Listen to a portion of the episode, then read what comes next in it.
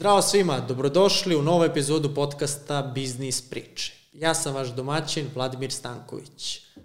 Ako imate problem sa sporim rastom pratilaca na Instagramu i slabom prodajom, onda verovatno radite stvari koje su davno prevaziđene.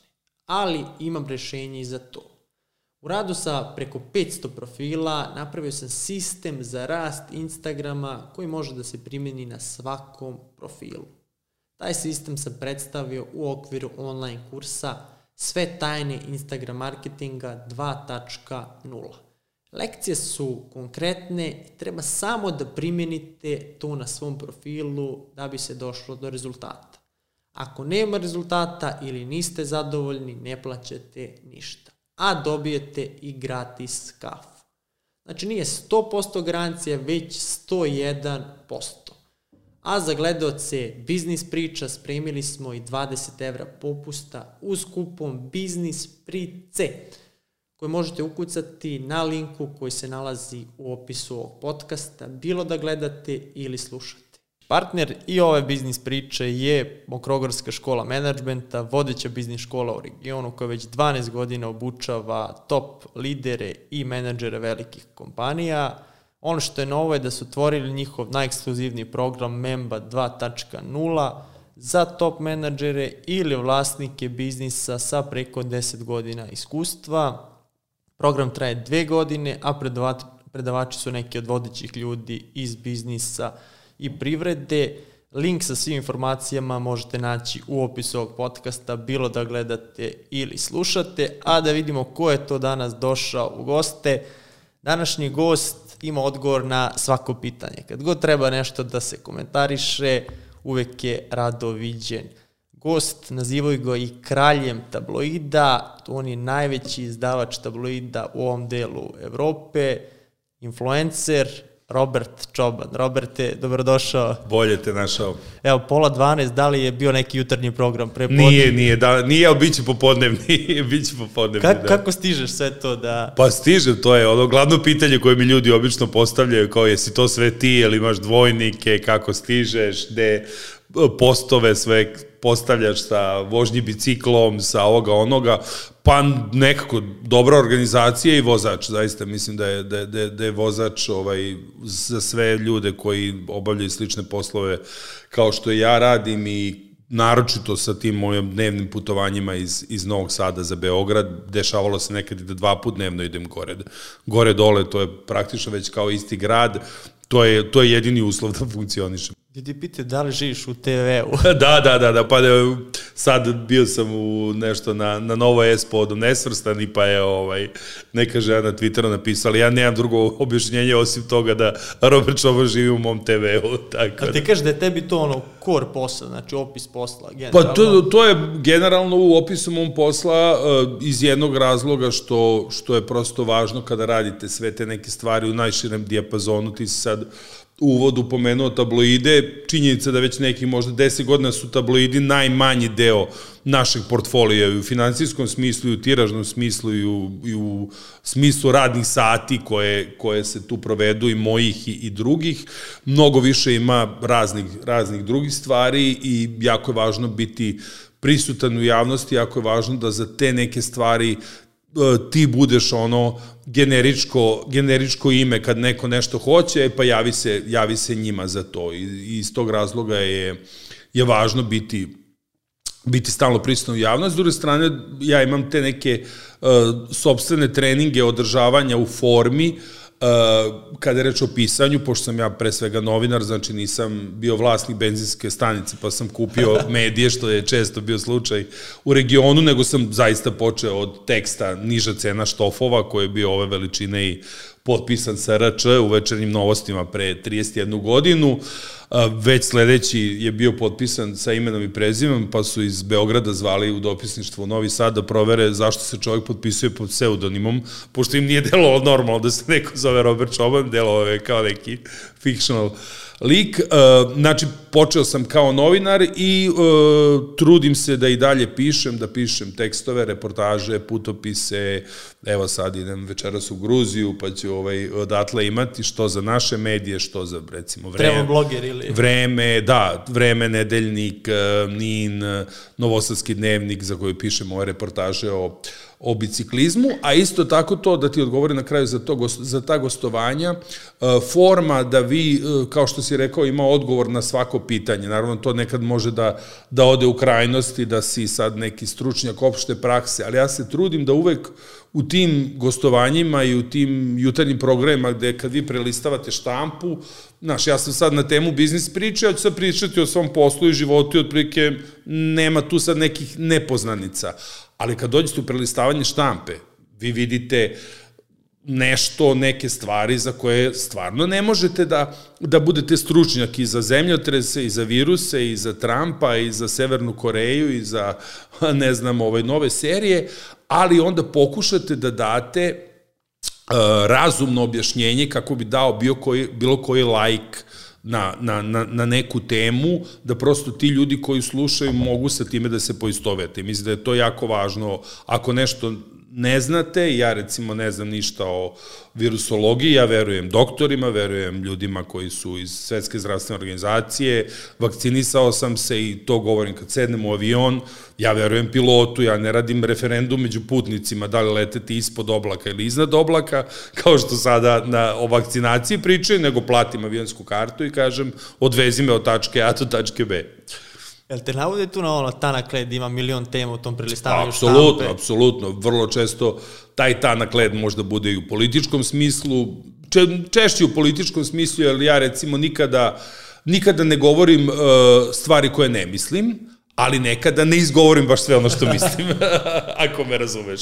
Tako da naravno... Diplomatija. Mislim, da, da, diplomatija, svi naravno, ovaj, svi znamo uh, generalne okolnosti, ne samo u Srbiji, ne, nego svuda, znači čovjek prosto ne može da misli samo o sebi, da imam samo sebe kao što sam imao sa 20 godina, dakle ni porodicu, ni neku veliku firmu, tad sam uh, ulazio u okršaje i fizičke i ovakve i odakve sa uh, kime god sam stigao, danas naravno čovjek sa 50 i i nekom godinu ima više neke odgovornosti prema e, firmi koju vodi, prema zaposlenima, prema porodici, deci, tako da sam malo normalni, malo, malo mirniji. Rekao si da nemaš benzinsku pumpu, kako je to krenulo? Ajde da krenemo od one osnove, šta si teo da budeš kad porasteš? Jesi hteo novinar ili... Pa ne, ne, ne, hteo sam da budem advokat, gledajući američke filmove u kojima su advokati, imaju tako te dinamične uloge kako već viđemo i ovaj, užasno mi loše išla matematika, Tako da sam gledao da, da izbegne bilo koji, sad smo imali u Bačkoj Palanci neku godišnicu mature, pa, pa smo se podsjetili tih dana. Ja sam naime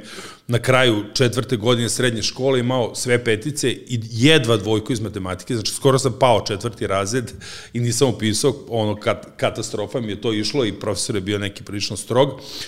I uh, upisao sam pravni fakultet u Novom Sadu u želji da budem advokat i počeo sam da studiram, onda sam negde shvatio da je to uglavnom sem istorije i sociologije, da to mene ništa drugo ne zanima, ni, ni ustavno pravo, ni porodično pravo, ni nasledno i da je to ovaj smaranje.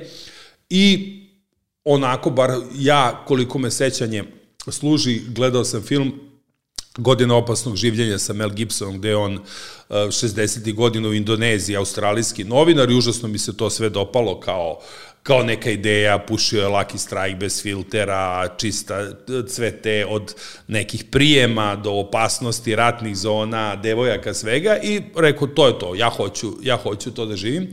Pritom govorimo o 1990.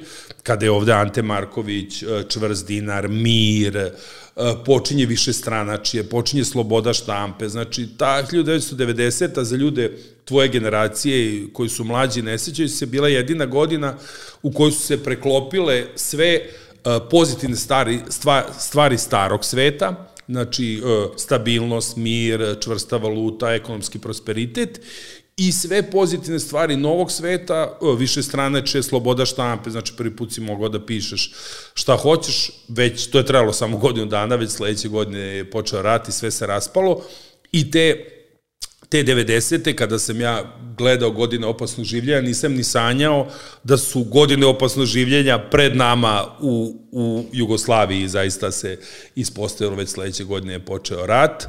Mi smo od 92. nakon što je prošao rat u, u, u ona prva faza rata u Hrvatskoj, 92. u januaru, februaru pokrenuli studentski indeks, ako govorimo sad o ovom biznis delu izdavačkom, ja već sam imao neko iskustvo dve godine kao novinar i uh, obnovili smo studentski indeks koji nije izlazio list novoskih studenta i ja sam bio glavni urednik.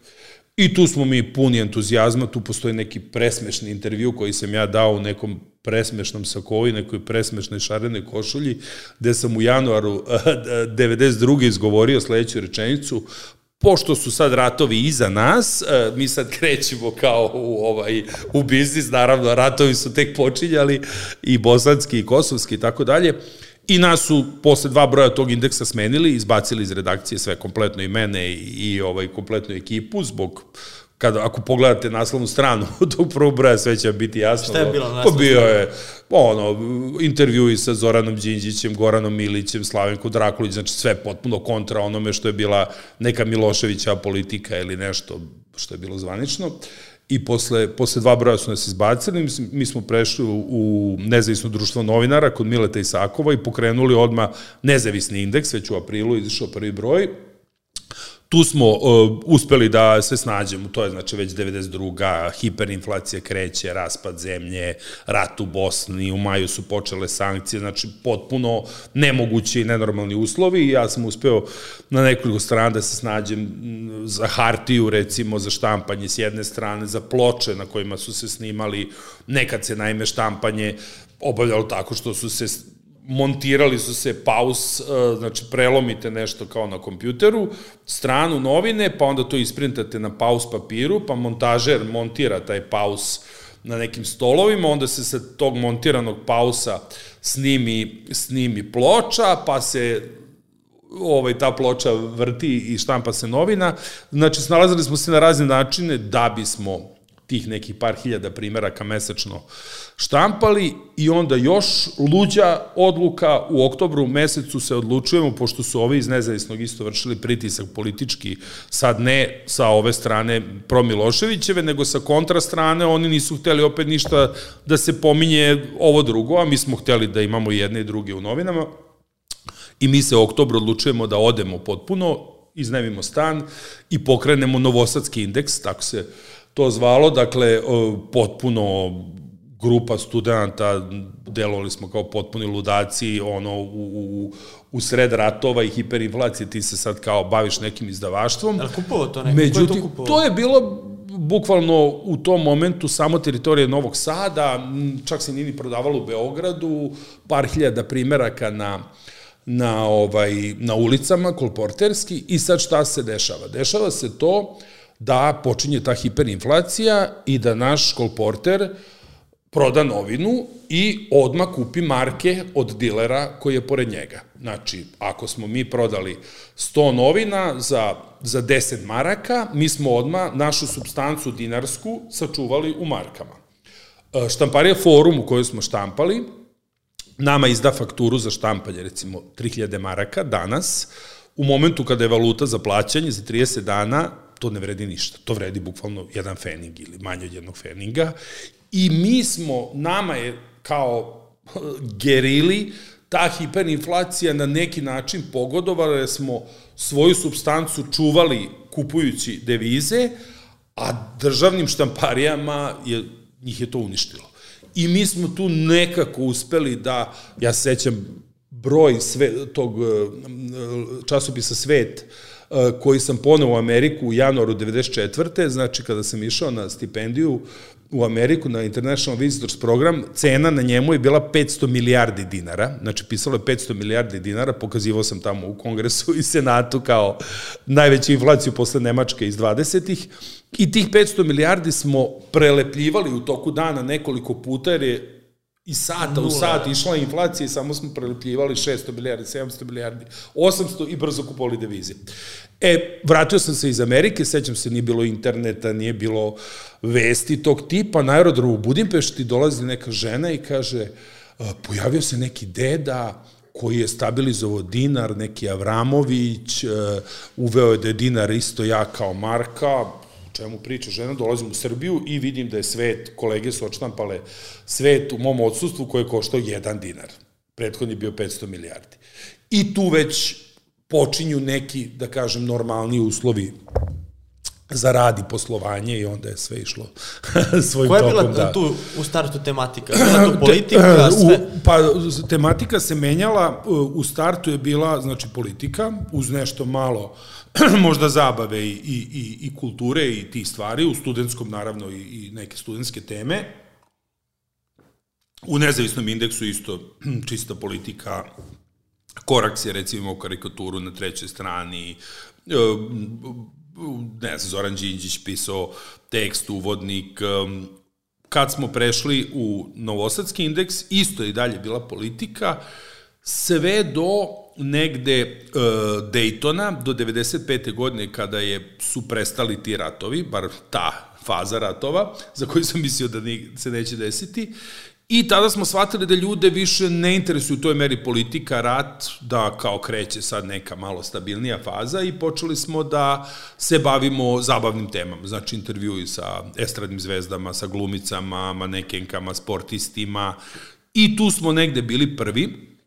Ja sam često pominjem taj put u Ameriku kao neki, neki uh, moment gde ja u Atlanti, sećam se, sedim u, u hotelu, uh, i u jednoj, bilo je te, dve TV sobe, u jednoj TV sobi je išao uh, Clintonov izveštaj o stanju nacije, to je bila prva, to je prva godina Clintonovog prvog mandata se tad završila, znači februar, uh, januar 94. i Clinton drži uh, izveštaj o stanju naciji, State of the Union Address, koji je za mene u tom momentu najvažnija stvar na svetu, šta kaže američki predsednik. U drugoj sobi je išao izveštaj o, o Michaelu Jacksonu i njegovoj aferi Neverland sa, sa zlostavljanjima maloletnika. Ovo je gledalo dvoje ljudi, ovo je gledalo 50 ljudi. Jacksona 50. Da, da, a ovo je gledalo dvoje ljudi. Ja sam rekao, nešto ja izgleda pogrešno radim.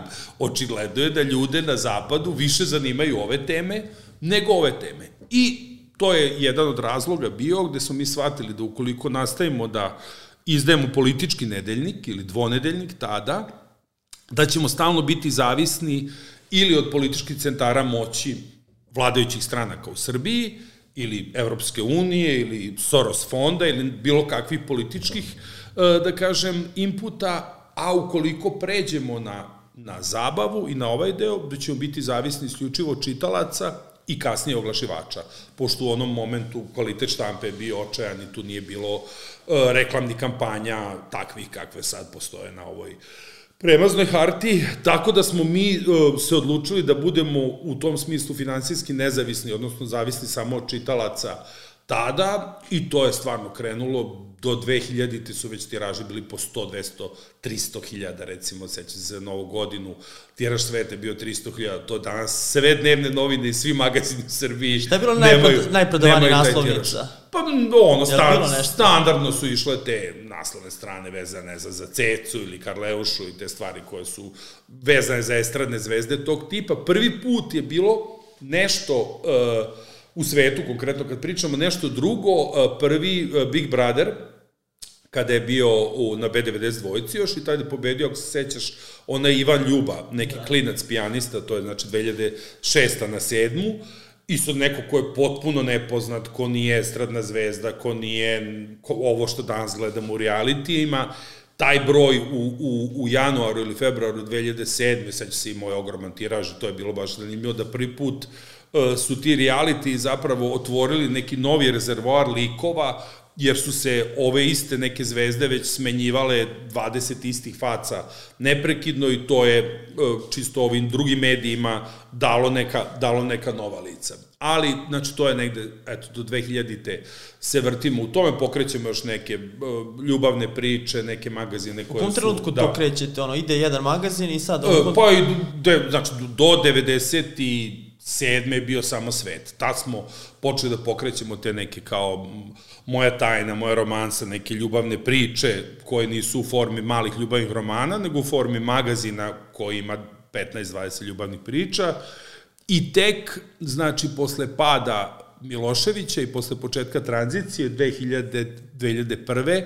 krećemo sa uh, sa magazinima ovakvima kako izgledaju danas. Lepota i zdravlje je naš prvi mesečnik tog tipa koji smo tada čak štampali u Budimpešti u Reva i njom da štampari, jer ovde nije, nije bilo uslova da se, da se, štampa, da se štampa takva vrsta magazina.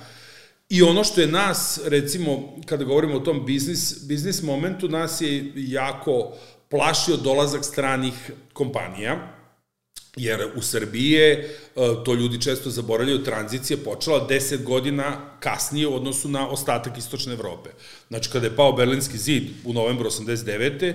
vi ste imali nemačke, švajcarske i holandske kompanije koje su došle u Poljsku, Češku, bivši DDR i pokupovali sve medije tamo. Znači, apsolutno medijsko vlasništvo nad, nad, nad svim medijima u Istočnoj Evropi, osim Rusije, a jednim delom i u Rusiji, su strane kompanije, uglavnom nemačke, švajcarske, holandske. Mi smo ovde, za vreme Miloševića se, se ovaj snalaze kako smo znali i kada je počela naša tranzicija 2001. kada je Đinđić Vacu prodao politiku i dnevnik, e, mi smo već bili dovoljno osnaženi da se odupremo, da kažem, toj konkurenciji koja je došla i bili smo zastrašeni jer je taj Vac danas više ne postoji, a tada je u Hrvatskoj uh, sa EPH, sa Ninom Pavićem pokrenuo jutarnji list, izdavali su Playboy, izdavali su Kosmopolite, znači bili su deset, deset uh, kopalja ispred nas, Međutim, ovde se očigledno nisu pokazali tako, tako uspešnima i ja imam jednu prezentaciju, to je sad šira tema, ne znam koliko imamo vremena, zove se Zašto su otišli. To je prezentacija o uh, stranim izdavačkim kompanijama koje su došle na tržište Srbije i otišle s njega. Od 10, 8 od 10 kompanija koje su došle na tržište Zašto? u protekli 20 godina i sad poslaću ti, poslaću ti to na mail da prostudiraš, zanimaće te obzirom na temu kojom se baviš, pa bukvalno sam razložio, razložio sve, sve te razloge. Uh, Znači, 2001. dolazi Vac, 2002. dolazi Burda, pokreće Lisu, uh, u malom formatu, dobra štampa, ogromni tiraž, um, kasnije, uh, kasnije ulaze i sa Noma, sa, sa, sa, sa, sa, svojim, sa svojim brendovima i mi smo zaista mislili da da će nas to ugroziti. Naravno, mi smo odmah krenuli da pokrećemo svoje licence, da kupujemo licencu za Bravo, za Hello i tako dalje, prosto da bi odgovarali tim nekim uh, grafičkim izgledom i brendovima, prosto oglašivač je rekao, ok, super lepota i zdravlje, ali uh, moj klijent ima odobrenje samo da se reklamira u Harper's Bazaru, u Elu i ne znam Hello i onda smo mi morali da imamo Hello da bi imali šta da ponudimo tom klijentu i sve je tako bilo, sad ću ti odgovoriti na pitanje zašto, do 2008. 2008. počinje ekonomska kriza, svi te, sve te strane kompanije su bile setovane na onaj stari svet kakav je postojao do 2008. Znači visoki budžeti, plate menadžera po 5-10 hiljada evra ovih stranih, e, ne znam, plaćali su Airport City-u, rentu, Adria Media tada 30.000 evra su plaćali prostor i sve to nekako moglo da podnese biznis kakav je bio do 2008. 2008. se sve srušilo, stalo oglašavanje, u Srbiji je, uh, ne sećaš se ti, ali si čuo verovatno, evro je otišao sa 78 na 96, uh, te 2008. za samo tri meseca, znači od, od četiri meseca, od avgusta, od olimpijskih igara u Pekingu do decembra je sa 78 na 96 otišao i tada se nama dešava slično kao što se forumu desilo na početku ove priče, mi imamo sad svoju štampariju, sad smo mi ti kojima ne odgovara ovo što se dešava i mi smo za ta četiri meseca, sećam se, milion evra izgubili u kursnim razlikama samo. Znači, bukvalno kupujemo hartiju od finaca za evre, štampamo novine koje prodajemo tebi u dinarima i naplaćujemo ih za 60 dana, kraj. Znači, samo to, bez, bez ikakvog rizičnog ponašanja, bez ičega, samo smo radili svoj posao i zbog, zbog tog uh, klizanja kursa izgubili milion evra pošto sada smo mi ti koji imamo štampariju i mi smo u poziciji u kojoj, u kojoj je forum bio 90. I... Ukrenula se igra. 92. I uh, mi, ali smo opet, za razliku od foruma, mi smo preživeli, jer smo mnogo, smo, uh, da kažem, privatna kompanija, nismo državna, uh, s druge strane domaća smo, nismo strana, mnogo brže donosimo odluke, ne moramo da pišemo nikakvom bordu u Berlin ili Bern ili, ili Amsterdam da, da, da nešto odobri, možemo da ugasimo što ne ide, da pokrenemo preko noći nešto novo. I tada često pominjem, ja sam bio u pregovorima sa grčkom kompanijom Liberis iz Atine, koji su bili vlasnici svih kondenastovih licenci za Balkan, to je Vogue, Vanity Fair, znači naj, na glamour, najprestižniji magazinski brendovi koji su, ne znam, Vogue je u to vreme uh, imao September issue 1100 strana, znači bio ovako debeo, sve su oglasi bili, 90% strana su oglasi, jedna strana oglasa je 90.000 dolara bila. Se možete zamisliti kakav je, da, kakav je to biznis bio. I mi smo bili u pregovorima da radimo VOG za bivšu Jugoslaviju, onda je počela ekonomska kriza, on se ja sa društvom otišao na neku turu u Estoniju, Letoniju, Litvaniju i video na kioscima u tim bivšim sovjetskim republikama neki mali časopis malog formata, tanak, piše pošalji recept. Kupio sam, pogledao šta je, ispostavilo se da je to interaktivni magazin za domaćice koje su 50 plus, koje nisu na internetu i koje šalju svoje recepte, fotkaju tu hranu koju prave, sebe, svoje unuke, decu, šalju, dobiju, ne znam, ne, 10 rublja ili koliko već ovaj nagradu i to je imalo milion tiraž u Rusiji tada.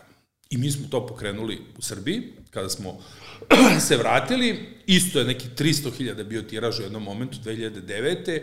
I ja sam tada shvatio da mi nismo tržište za Vogue, u tom momentu bili, verovatno ni danas, nego smo tržište za pošalje recept. I samo smo se svičovali sa tog, jer do tada se samo pričalo o luksuzu, o, o oglasima, o... Pokrenuli smo neki modni časopis L'Officiel 2008. Bukvalno u godini kada će početi kriza, osam strana prvih je bilo L'Orealova kampanja. Sada L'Oreal na godišnjem nivou nema osam strana.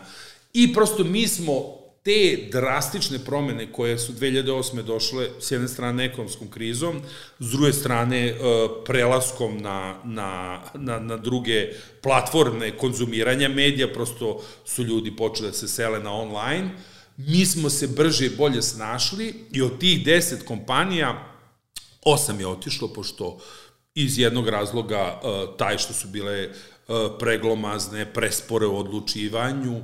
Drugi razlog, naše tržište je opterećeno sa ogromnim brojem e, netipičnosti u koje ja u toj prezentaciji navodim od od toga da su u jednom momentu tamo 2006. 7. tajkuni, ovo što smo pričali na početku, vlasnik benzinske pumpe, su shvatili kao vlasništvo nad medijima, s jedne strane super zarada, s druge strane odličan uticaj da vršimo pritisak na vladu, na ove, na one, i jednom si imao gomilu dnevnih novina koje su pokretali, koje su sve pogašene, naravno, posle, po, po, posle, posle toga. E, s druge strane, imao si podatak, recimo, koji je 2011. izneo Agencije za boru protiv korupcije, da je u srpskim medijima više novca iz nekomercijalnih izvora nego iz komercijalnih. Znači, više novca je iz konkursa ministarstava, opština, pokrajine Vojvodine, javnih preduzeća, nego što je od Coca-Cola, Telenora, e, ne znam, Raiffeisen banke i, i komercijalne sporoze. I to je verovatno naj, najdrastičniji procenat u regionu. Nigde, nigde toliko javnog novca nema u medijima koliko kod nas. To naravno te strane kompanije uopšte tu igru nisu znale da igraju i zato su, eto, svih, da, da nabrajam, znači, taj Vaci je otišao, Burda je otišla, Greener Indijari je otišla, Noma je otišla, um, EPH Zagrebačka, kad smo mi preuzeli u Glori, oni su gasili firmu i otišli su, ostao je praktično Ringier sa Blicom i, i Atika Media sa Gracijom i Harpersom i to je to. I koji je ostao tu još od, pa eto, domaćeg? Ne, pa od, od, od domaćih izdavača smo praktično E, jedini veliki mi, tu je Adria Media koja je u nekom momentu prodata kuriru, pa je onda kurir prodat e, Mondo, ovaj, sad pre, pre dve godine i, i to je to. Da, vi ste monopolisti. Da. Pa nismo monopolisti, ali smo generalno najveći broj, da kažem, magazina u tom segmentu imamo.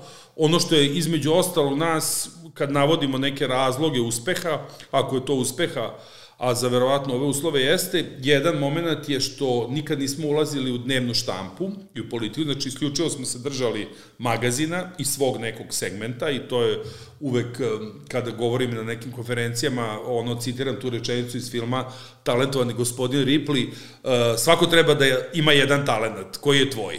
nije logično da imaš pet talenata. Ja znam da ima ljudi koji imaju puno talenata, ali ako si ti dobar u ovom poslu u kojem radiš, očigledno jesi, drži se tog posla. Nemoj da otvaraš i kafanu, nemoj da, da, da budeš i hirurg, nemoj da budeš i pilot.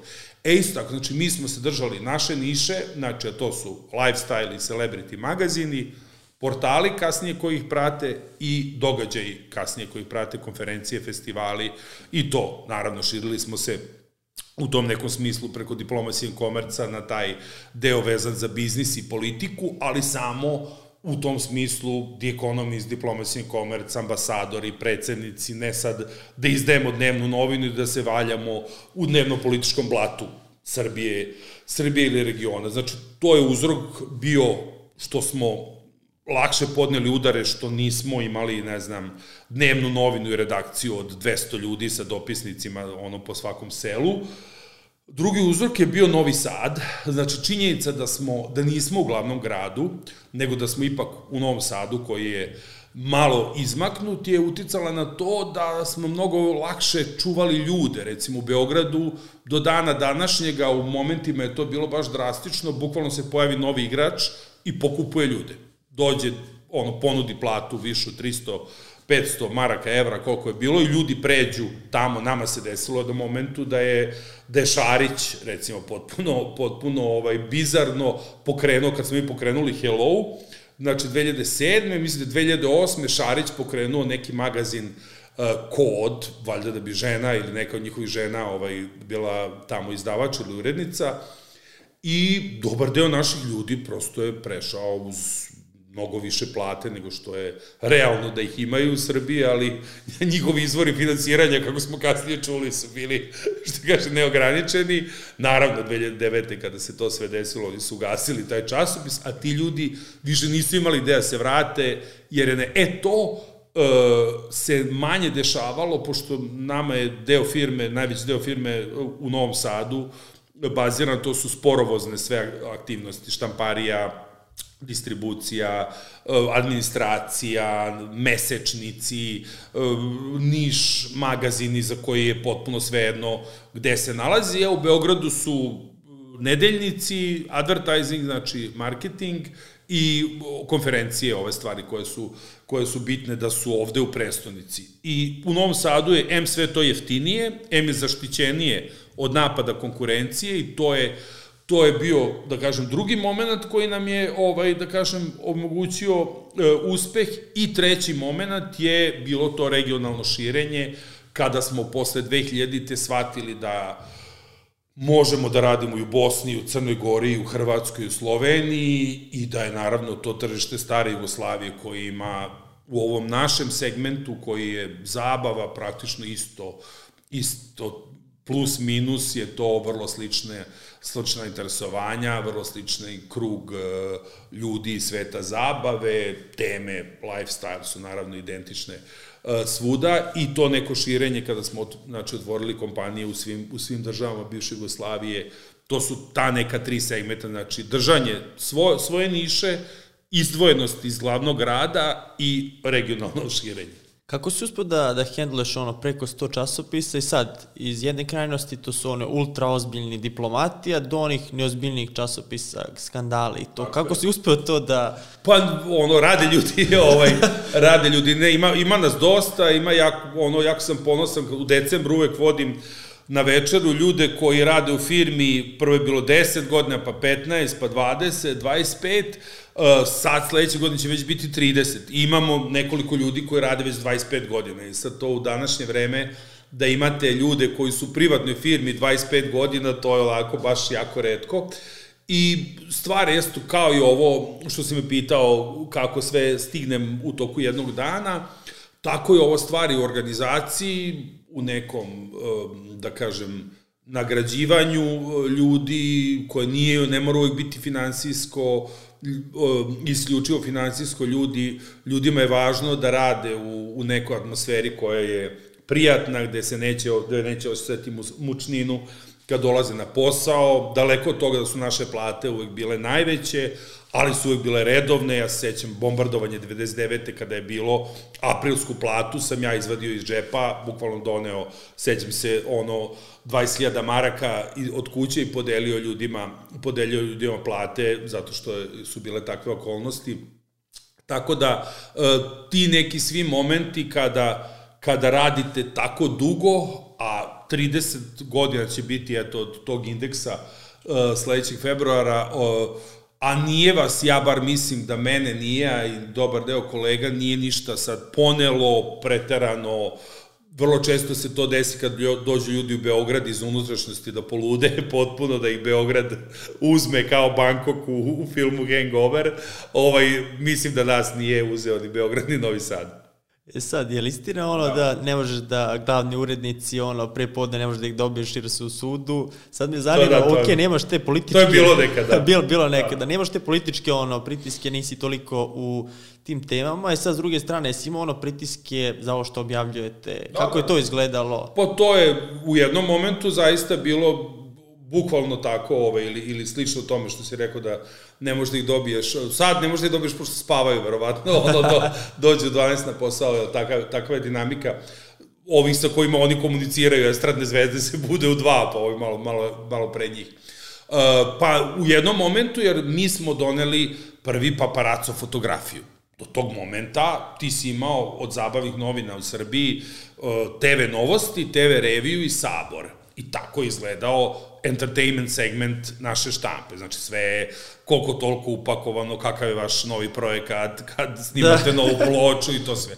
I sad se odjednom pojavljaju neko ludaci koji imaju novinu tog formata, e, velike naslove i paparaco fotografije. Praktično najviše tužbi koje smo izgubili su bile zbog paparaco fotografija. Evo sad što kaže ono, e, ljudi vole da, da, da slušaju te stvari, naj, dve najveće tužbe koje smo platili, jedna je bila jedna je bila zbog uh, zbog paparaco fotografije neke Ljubiše, Ljubiše um, Samarđića uh, sa, sa, sa, sa mora, a druga je bila uh, Željko Joksimović, uh, mi smo napisali i objavili smo i taj snimak kada je uh, kada je osvojio drugo mesto za pesmu Lane moje na Euroviziji 2004.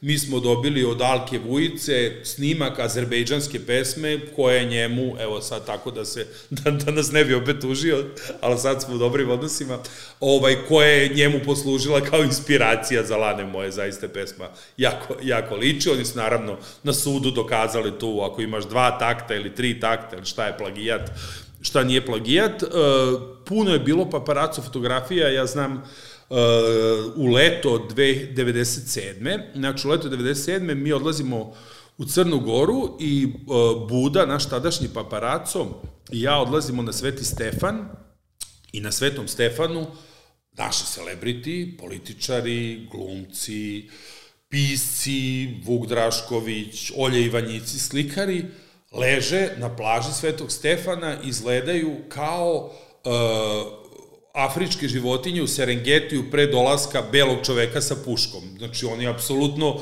ne očekuju bilo šta da može da im se desi, jer nikad niko nije objavljivo paparaco fotografije sa Svetog Stefana. Buda je bukvalno sve, ovaj, sve njih fotografije, se sećam se, izradili smo fotografije crno-bele u Budvi u starom gradu, nekom fotoradnji, ja sam se vraćao avionom kao u filmu, nosio sam ovako debeo koverat pun tih fotografija u krilu, u krilu na letu za, na letu za Beograd i sve sam ih objavio u jednom broju, da ne bi sad bilo pritisaka, zvanja, intervencije i to je bio potpuni šok. To je bio kao da je neko strovalio, strovalio kamion cigala na to. I naravno, neki su to shvatili sa sa simpatijama. Kasnije, kada smo objavljivali fotografije, čak i sa Ade Bojane, stavljali smo ono trakice preko, preko spornih delova tela, ovaj, pa i tu bilo recimo u tom momentu ovaj, zaista moram da pohvalim tadašnji ministra kulture i informisanja, on je bio tada u mandatu, eh, Branislav Lečić, u leto 2003. mi smo objavili njegove fotografije Sade Bojane i ovaj, naravno sa, sa, sa tim trakicama i iako je bio ministar informisanja, nije nas ni tužio, ni, ni, ovaj, ni pokrenuo bilo kakav, nismo imali nikakav problem zbog toga. Je li bilo opasnih nekih situacija, pretnji? Pa bilo je malo relativno u odnosu na to u kakvim smo vremenima živali. Naj, rizičniji period, to moram da kažem, to mlađi ljudi verovatno ne percipiraju tako, nisu bile 90. Znači, najgori period je bio između 5. oktobra i Sablje. Znači, te tri godine, od 5. oktobra pa do ubistva Đinđića, to je bilo najnesigurnije vreme u smislu da je mafija, za vreme Miloševića vi ste manje više znali Ko je mafija? kako, kako šta funkcioniše i mafija je znala šta sme i dokle sme da ide i ti svetovi se nisu mešali. Od uh, 5. oktobra i otmice Brejnog i Bobinog deteta koja je bila u novembru recimo 2000. Pa do Sablje vi ste imali otmice ljudi svaki dan, vi ste imali ubistva, vi ste imali upade na, u, u neke medijske kuće gde su mafijaši držali kao taoce neke, sad da ne navodim koje, ovaj, uh, ljude iz medija po 24 sata, vi ste imali pritiske, vi ste imali, naravno, za vreme Miloševića je bilo ubistvo Ćuruvije, ali evo u ovom periodu je bilo to ubistvo kolege Pantića iz, iz Kragujevca, novinara večernjih novosti, i zaista je, zaista je bila u tom smislu naj, najrizičnija klima, jer su ljudi iz mafije praktično držali državnu bezbednost, mislim, taj Bracanović je, koji je radio za Legiju, je bio tamo zamenik, zamenik šefa državne bezbednosti.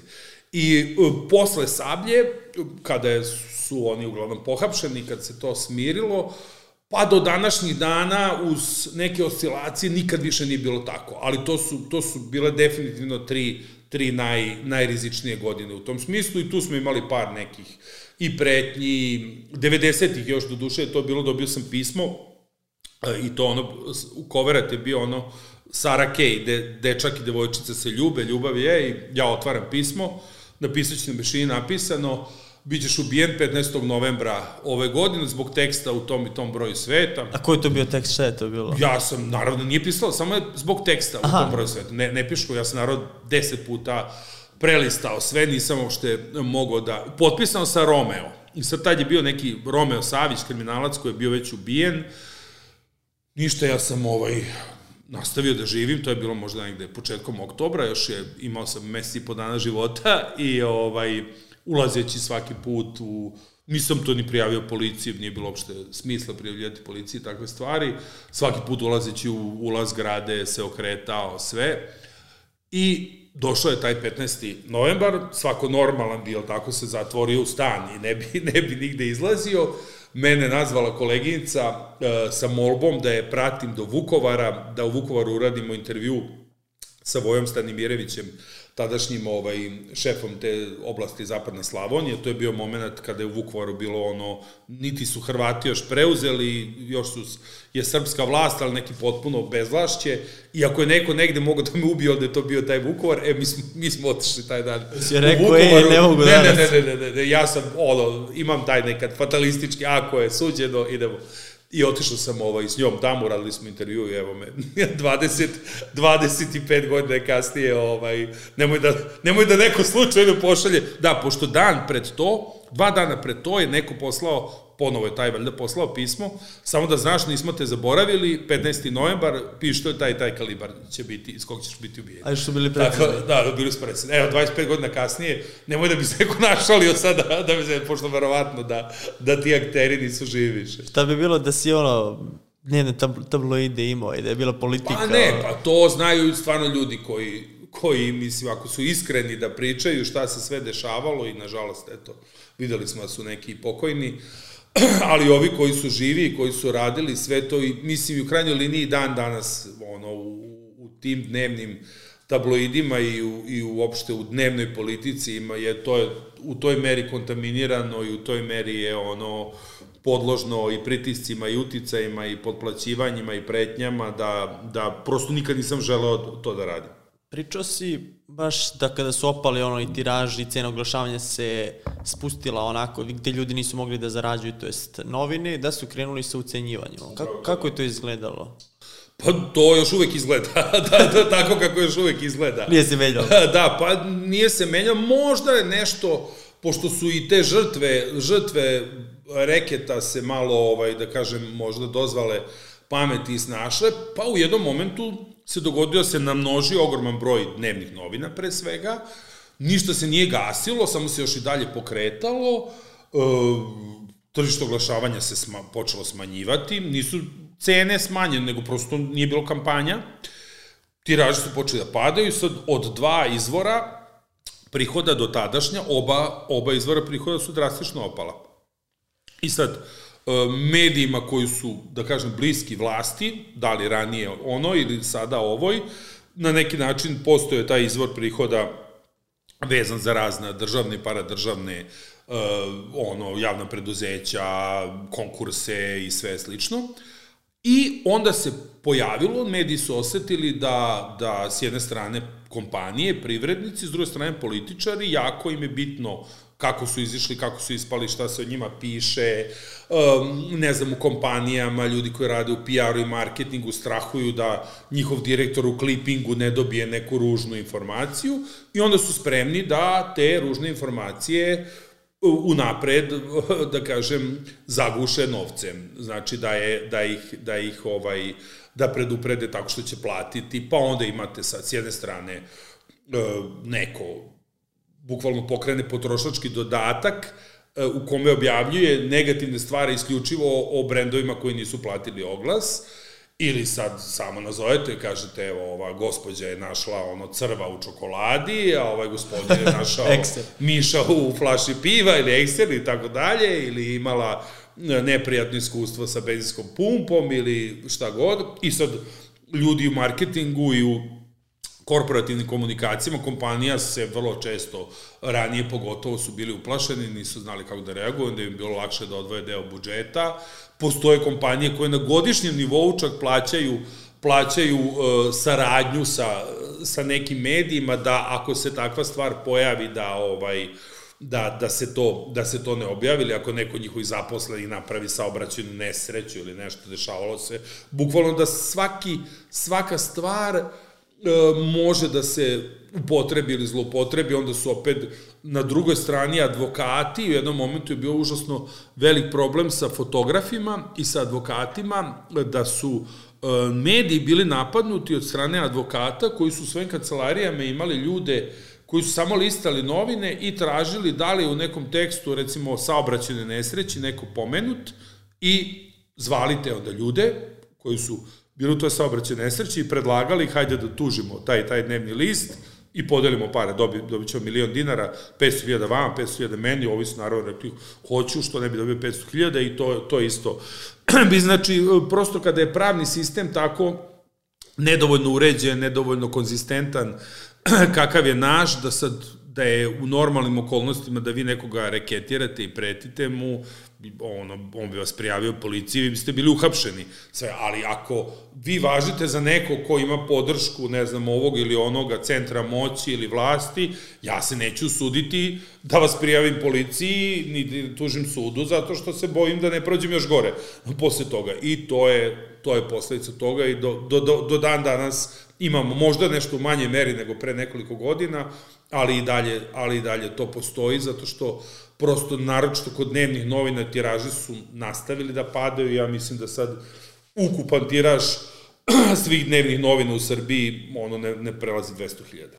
Jel taj reket ulazi u cenu i ovo na internetu ili...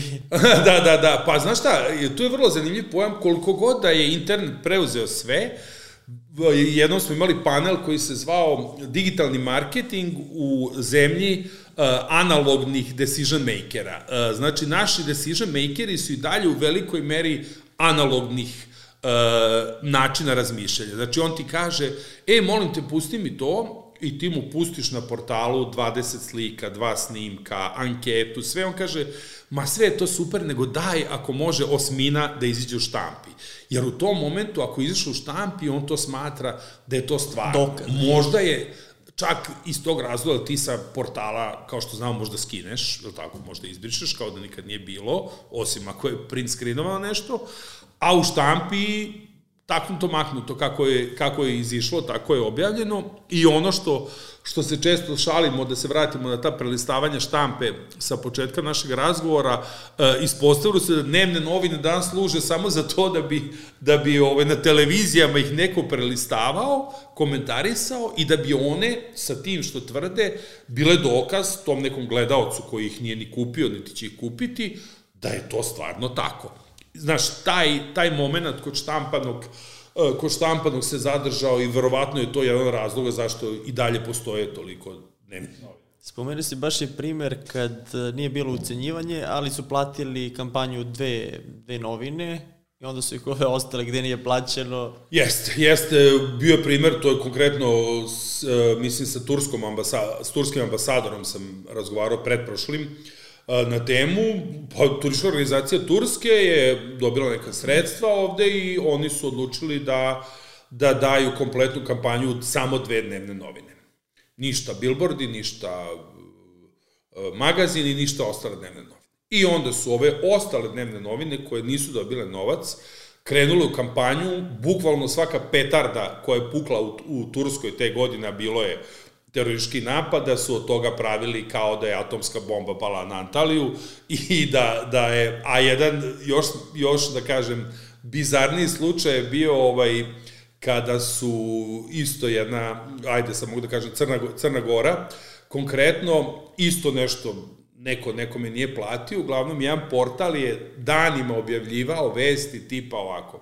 Pericu uh, pojela Ajkula velika 5 metara u Boku Kotorskom zalivu.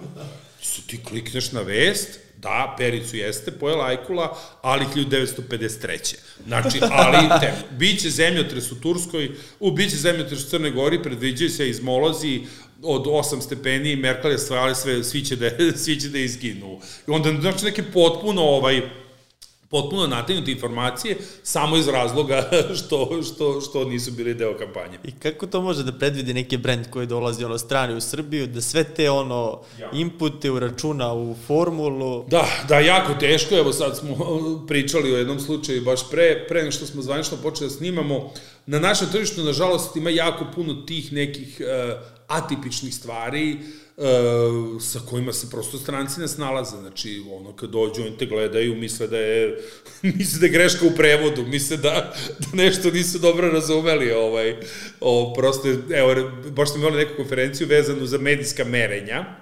U jednom momentu je postojao ABC, ABC Srbija, koji je radio medijska merenja, tačno izračunavao broj primeraka koji vi prodate. I vi ste podnosili izveštaj ABC-u, i oglašivač je dobio tačno, ovo je broj lepote i zdravlja, je prodat u 33.265 komada.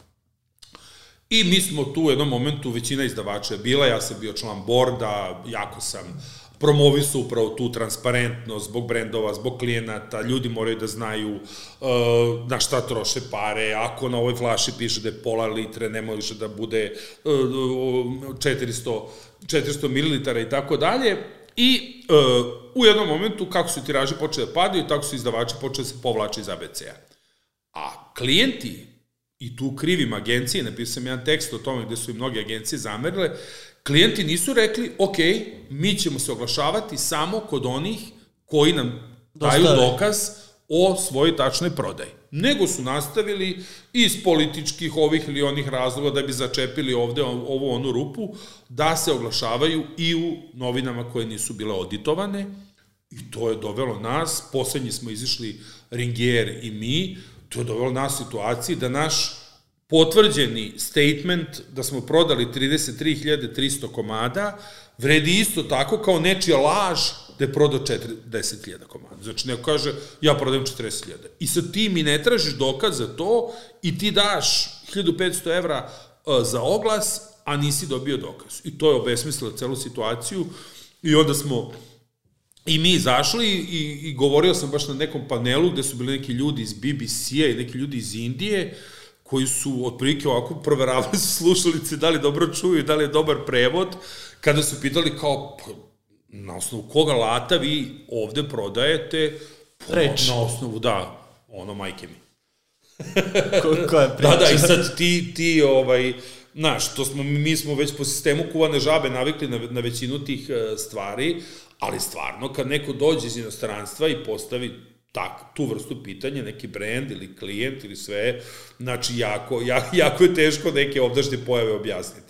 Jel bilo razlike, to je sigurno ima razlike ono gde su, koja niša, to jest koji tabloid ima najjače cene ili da li to zavisi od publike onako, prati diplomatije, to je skroz, iako je tiraž manji. Da, da, da, da pa prosto cene su i od niša, od vrste niša, kvaliteta niša. Koje su najskuplje? Konkretno, recimo, diplomasi, pa zavisi od tiraža, znači ne možemo čak ni reći, uh, ono, recimo, najskuplji oglasi su kod nas možda u lepoti i zdravlju, mislim sada ili to Hello Glory Story, zato što imaju i velik tiraž, a i obraćaju se, da kažem, nekoj publici koja ima platežnu moć višu. Recimo sad oni kulinarski magazini, tipa pošalje recept, e, imaju veći tiraž, ali se o, o, o, ipak obraćaju nešto platežno manje sposobnim, pa prosto ne, nisu te cene. A diplomasi komerc ima ono 5000 tiraž, vrlo usku nišu, a ima visoke cene oglase jer ga prosto čitaju svi ministri, ambasadori, decision makeri,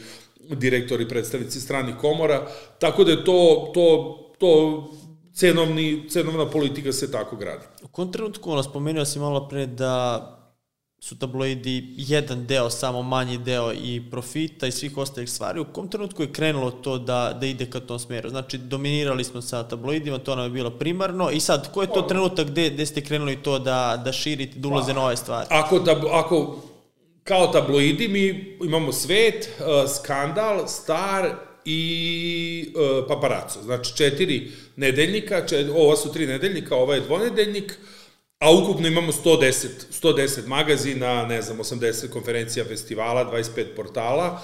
Uh, pa to je još pre 20, ne 20, ali pre 15 godina, da kažem, u momentu kada smo mi shvatili, recimo, Gloria, Gloria je prva došla i to su Hrvati iz EPH pokrenuli tada sa Vacom uh, ovde firmu i pokrenuli Gloriju 2003. kao prvi glosi, glosi celebrity magazin, ali na kvalitetnoj hartiji na drugi način obrađan, znači nije tabloidno u klasičnom smislu, i oni su dobijali oglase. Mi, mi, mi smo imali velik tiraž u svetu, ali nismo dobijali oglase, jer brendovi prosto nisu hteli da budu pored takvih tema, takvih naslova ili paparaco fotki.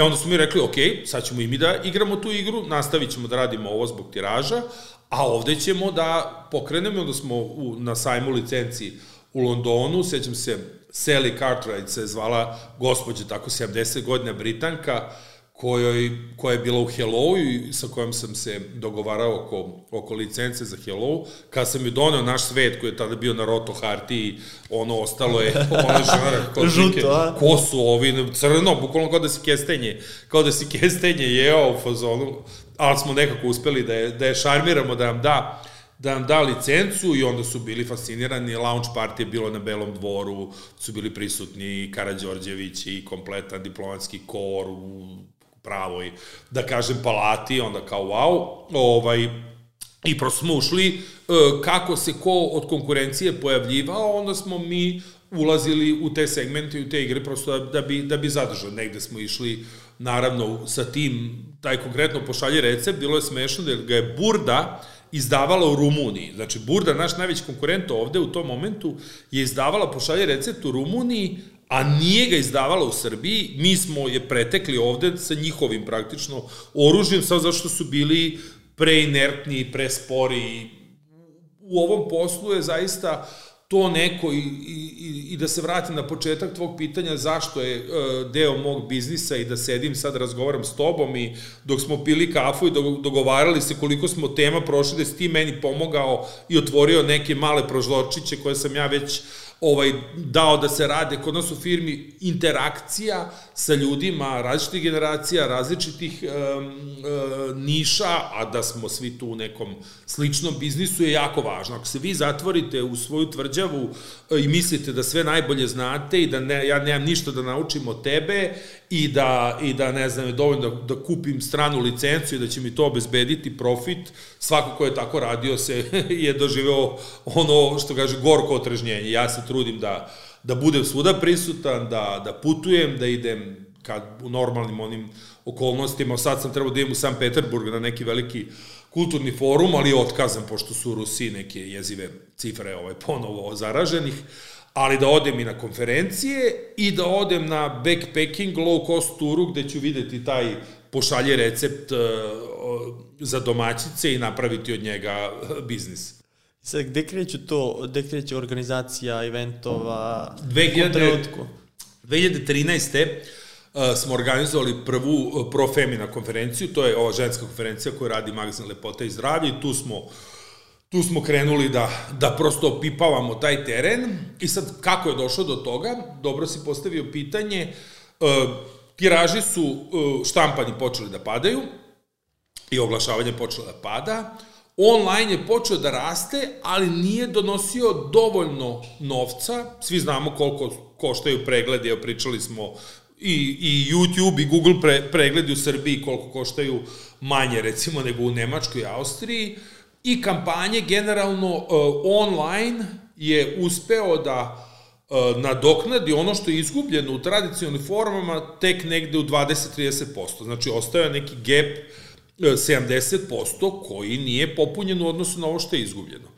I ja sam shvatio, pošto su naravno Google i Facebook odvukli odvukli 90% novca za oglašavanje online. E, shvatio sam da je organizacija evenata, dakle konferencije i festivala, nešto što oni iz Silikonske doline, iz, iz Kupertine, iz Paula Alta ne mogu da rade u Beogradu i Novom Sadu na terenu. Da je to posao za nas lokalni igrači da sednemo sa gradonačelnikom, s lokalnim direktorom Heinekena, sa ambasadorom nemačkim i da napravimo Oktoberfest. Znači, to ne može i San Francisco da radi u Novom Sadu.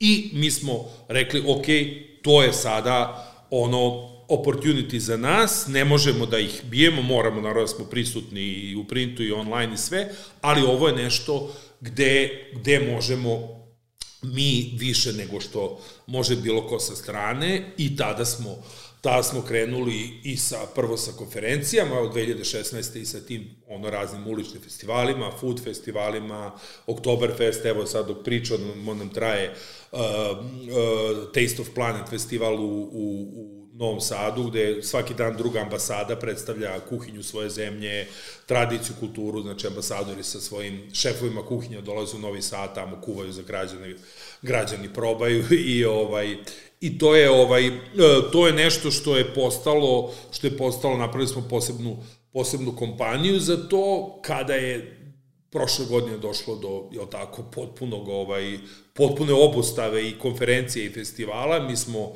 već u aprilu znači za vreme lockdowna organizovali prvu online konferenciju sa američkim um, kongresom srpsko-američkog prijateljstva, imali smo neke sagovornike, senatore iz, iz, iz Amerike i ovde ambasadora, Ivica Dačić je govorio, e, prosto smo se prebacili na taj online deo i prilagodili se da, da radimo tako. Sada kada su se situacija koliko toliko normalizovala, e, imamo nekoliko modela, nešto smo ostavili potpuno, smo shvatili da, da je pod, sasvim dovoljno da ga uradimo online, da ga streamujemo na YouTube-u i da on ostane na YouTube-u, nešto radimo hibridno, snimamo u studiju, prošle nedelje smo imali takvu konferenciju ili u Skupštini Srbije ili u, u ovoj Narodnom muzeju će biti sad The Economist, ove godine, a bez publike streamujemo, negde kao kod digitala imamo i publiku drugi dan, prosto, znaš, e, toliko smo u ovih 30 godina i to je ono što, što može da bude i najveći zaključak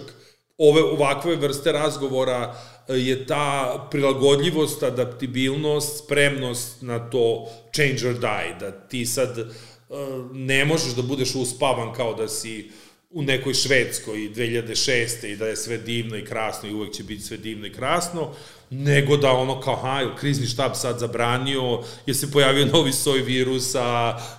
je li to ta prednost, ono, ljudi generalno s Balkana, sa ovih podneblja? Da, ja mislim da jeste. Mislim, naravno, mnogi se, mnogi se ne bi menjali, mnogi bi živeli ono, to je, baš sam sad na, na ovaj, kad smo go, imali ovu izložbu u Muzeju Jugoslavije oko pokreta nesrstanih, E, citirao na Bijenalu u Veneciji pre tri godine, moto Bijenala je bio uh, May you live in interesting times. Uh, to je kao kineska stara kletva, da Bog da živeo u zanimljivim vremenima, kao kletva. E sad, pitanje je da li je to kletva ili je to, ako tu kletvu pretvoriš u prednost, da te ta zanimljiva vremena u kojima živimo od onog filma Godine opasnog življenja uh, koji sam gledao do danas, učine dovoljno adaptibilnim da kad se pojavi korona ti kažeš ok, radit ćemo ovo.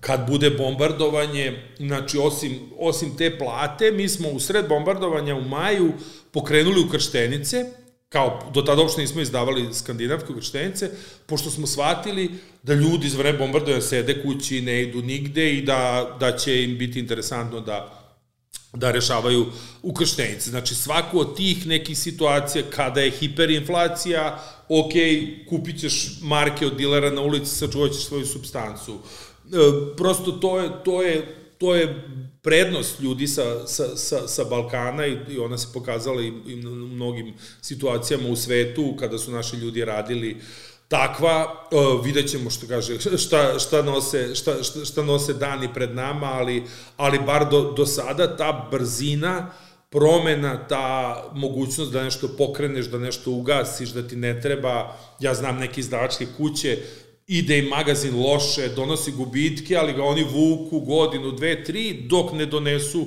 odluku da ga ugase zato što su mehanizmi spori. Znači, prosto sve je toliko postalo brzo u današnjem svetu da ti, ako nisi dovoljno brz, prosto nećeš preživeti. Kad smo već kod tih festivala, ono, komentarisali smo posebno sad festivale na našem tržištu, gde je tu budućnost sad pod ovim uslovima, ko to može da da održi, ko ne može? Pa mi smo evo baš od tih nekih većih imali Oktoberfest pre par nedelja u Novom Sadu, open air na, krž, na ovaj, tržnom centru promenada, na, na, na, na krovu i stvarno je bio challenge. U momentu kada smo stavili uh, informaciju da će se na festival moći da se uđe samo sa potvrdom vakcinaciji i, i, ili negativnim PCR-om do, dobili smo tonu, to, tonu hejta na društvenim mrežama i tonu pljuvanja, pošto očigledno velik, velik deo mlađe populacije i te populacije koja dolaze na festivale se nije vakcinisao i ne želi da se vakciniše, tako da Srbija je tu, naravno,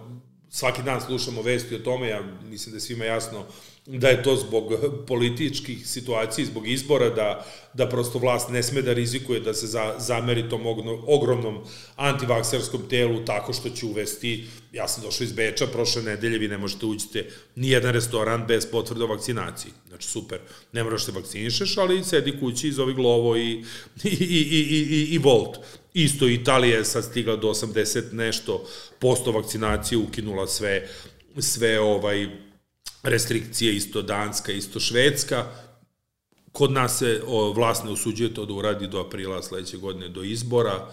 Koliko će ljudi to platiti svojom glavom, vidimo svaki dan, bar kada je reč o javnim ličnostima, koliko javnih ličnosti smo sahranili od Đorđa Balaševića do, do, do, do, Marka, do Marka Živića, bukvalno jednu, jednu dnevno, nekom sam bio jutarnjem programu, pa mi kažu da svaki jutarnji program praktično počinju sa nekom uh, tako, sa nekim takvim vestima da je neko umro. Uh, tako da ja mislim da neće biti nikakve restrikcije za održavanje festivala, niti će iko uh, niti će iko išta zvanično tražiti to, sad koliko je to dobro, koliko će ljudi biti, naravno već se vidi da ima manje ljudi, ali ima neki ljudi koji uh, su vakcinisali, nisu vakcinisali, prosto neće da rizikuju, neće da izlaze, nije, nije još uvek 2019. znači, ne, nismo se vratili u 2019. i, i to svako, prosto mi smo svaki festival koji, koji radimo, jako dobro odmerimo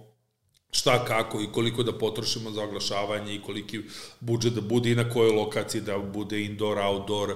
Znači, isto, isto kao sve ovo što sam pričao, za sve se mora, će se morati ono, barem evo u narednih pola godine odlučivati iz dana, od danas do sutra. Imaš neki ono neuspjeh u karijeri koji te kasnije doveo do, do uspeha, nešto na šta si ponosan, ono, kiksna sam pa... Pa evo, ne, is, is, ispričao sam, gomilu, gomilu stvari, mislim, pokretali, gomilu magazina smo ugasili koje smo pokretali, eto, taj L'Officiel, ja sećam, odlazim u Pariz na razgovor za L'Officiel, on je možda posle Voga drugi naj, najprestižniji francuski modni brend časopis, to su avioni, kamioni, ručam sa tom njihovom direktorkom u restoranu na, u Georges Pompidou muzeju tamo u, ce, u centru Pariza, pokrećemo sve, investiramo, Verica Rakočić bila glavna urednica, silni oglasi i onda samo dođe, za tri meseca dođe ekonomska kriza 2008. i ono, sva, b, puno je bilo neuspeha, puno je bilo promašenih investicija, puno je bilo bačenih para, puno je bilo loših procena, eto, kao ta, ta 92. kad sam rekao da, da su ratovi iza nas, ali ono što mislim da je, da je moja odlika i naša odlika je što ni, nijedan od tih poraza, nijedno od tih grešaka prosto ne doživljavamo sad, ne znam, nijakako tragično ni traumatično, nego okej, okay. I, ono, slušao sam baš nekog uh, predavača koji je rekao da je glavna greška što ljudi pokušavaju, i to je mislim možda najbolji savjet u biznisu, ljudi pokušavaju da e, stvore oko sebe uslove kao da će sve biti okej. I da sad ja kao imam, evo danas šta je danas ponedeljak, imaću divnu radnu nedelju do petka, sve će biti super i sve e, se potrudim da unapred povučem konce da se ništa nepredviđeno e, ne desi. I desi se. I uvek se desi, i uvek padne neki meteore, i uvek počne neka pandemija, i uvek e, padne neki Lehman Brothers e, za koji, za koji ne očekuješ. I ako ti nisi setovan da kažeš, ok, to se desilo, obrešaš prašeneš dalje, ti si gotov. Ja tu 2008. E, pominjam jer je ona bukvalno bila, bila ovaj dokaz toga, znači počinje 2008 super godina, sve. Evo, januar je malo lošije oglašavanje, sad kad krene mart, biće, biće super oglasa. Februar 2008.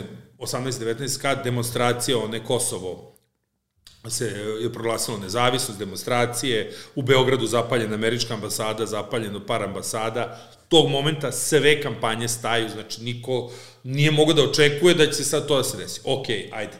To se malo primiri, raspiše Koštunica izbore, uh, kako su raspisani izbori, sve kampanje staju zato što su bilbordi u funkciji stranaka. Znači, nema kampanja dok se ne završi izbori.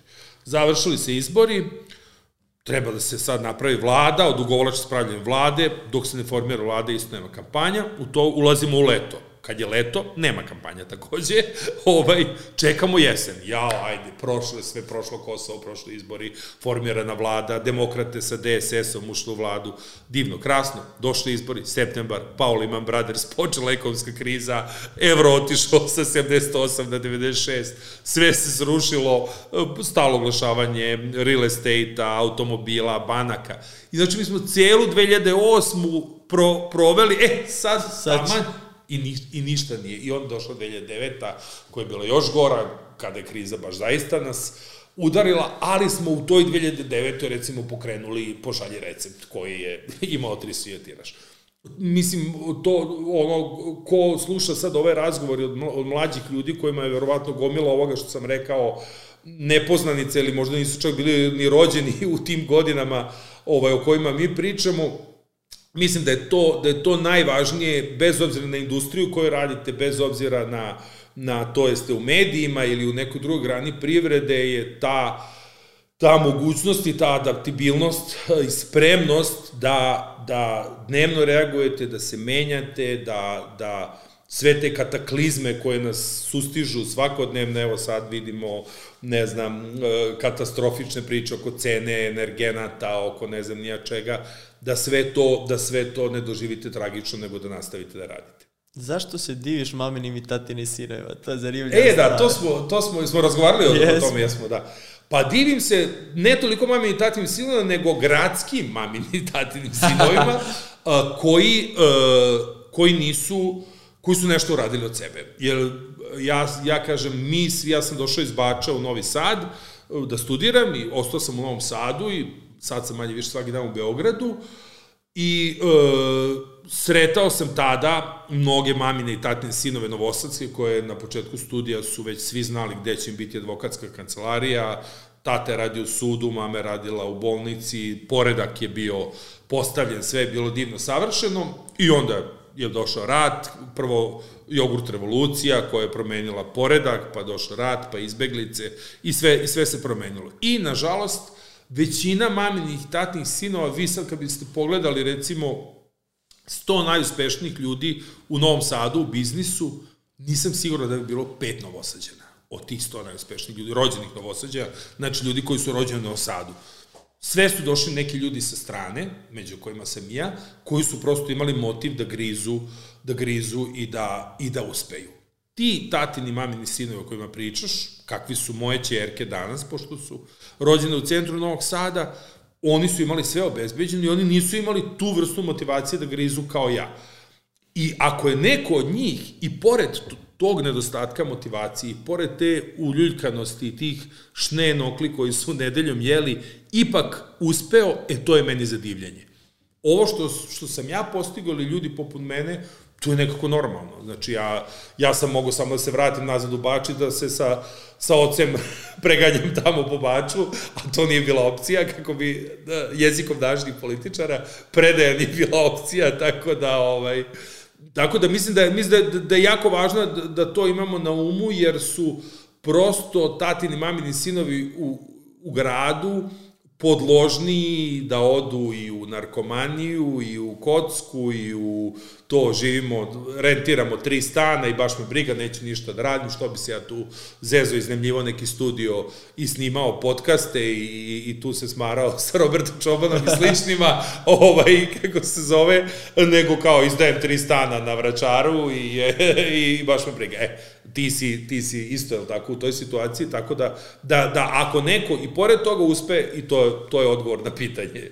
Dobar odgovor, posebno za, za mlade, da... Jeste, jeste da vide odakle se krene, jer tu se uvek traže neki izgovor, znaš, pa on je zato što imao to i to, a imao to i to. Njemu je mama i tata su to, ili ovaj u političkoj stranci, to, to ili ovo. Ne, uvek ima neki izgovora, a kada nešto uspete, uvek će biti komentara da vas, da ste da ste nešto uspeli zato što vam je ne znam ko vas je Šta je bilo poburao. u tom slučaju? Šta su ma, pričali? Soros. Ma Amerikanci, Boga Oca, znači e, sve, sve, sve živo je bilo, ali prosto to je ovaj onda posle kad me, kad me ljudi vide i vide koliko sam lud i sve to da kao, ok, ovo, se, ovo je sigurno autentično, ovo je nemoguće, kao da.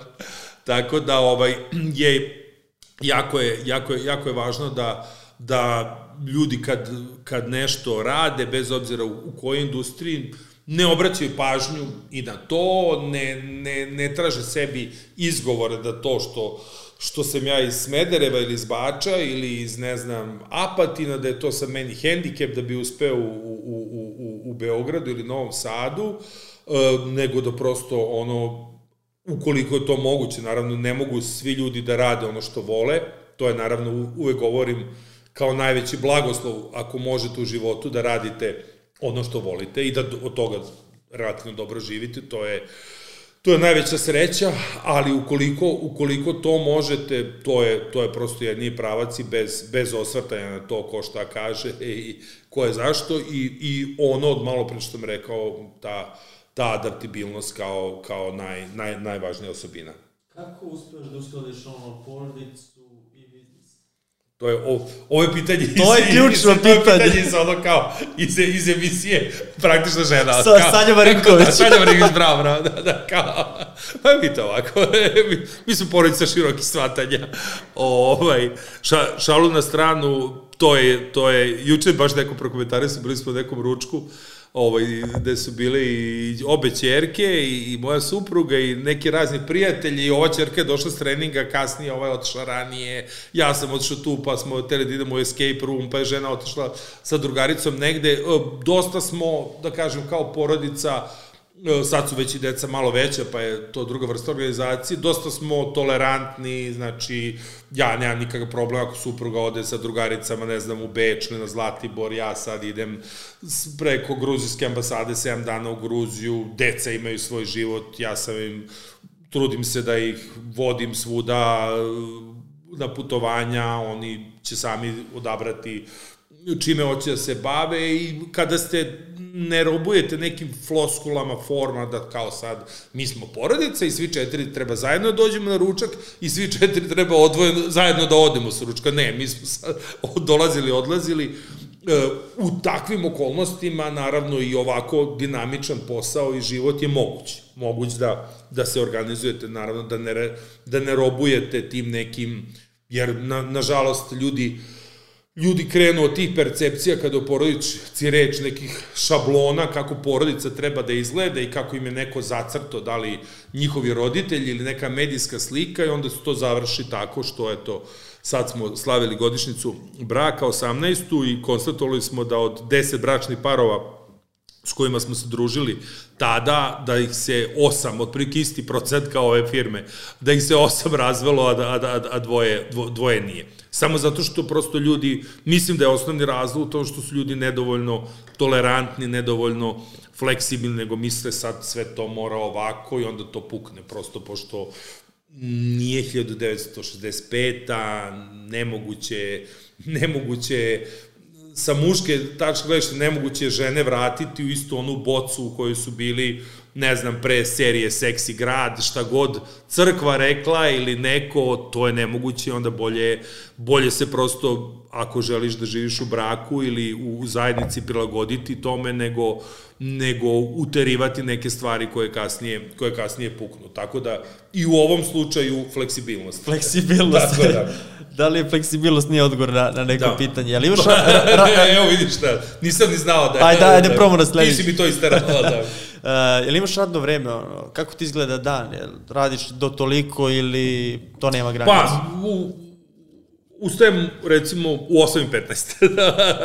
ustajem u 8.15, to mi neko vreme za ustajanje radnim danima i prosto nemam e, tu vrstu da to sad kao radim u neko tačno vreme, da ja odgovaram na mailove ako trebaju ponoć, e, negde sam sebe istrenirao da ne šaljem mailove ljudima van radnog vremena da ih ne bi stresirao, pošto često su se ljudi žalili da kao kolega ja da dobije takikardije kad mu stigne moj mail u 9 uveče, Tako da ja napišem mail, kad god imam vremena, ostavim ga u draftu i pustim ga ujutro u 9. I onda se jednom desilo, sedeo sam u, na nekom letu, kad smo išli u Rio na olimpijske igre, od Dubaja do Rija, tu sam poslao, ja mislim, jedno 800 mailova ljudima koji su mislili da se nešto desilo, neki servere polude, ovaj, koliko sam draftova samo, samo slao. I ovaj, znači, nemam to sad zacrtano, nekad su mi obaveze da nešto odem na neki događaj popodne, uveče, kada sam u, Be u Beogradu, to napravim pauze, odem na bazen. Tri televizije. Da, šta? Tri, Tri televizije. televizije. Danas, danas je samo jedna i evo i ti si, ti si na neki način druga.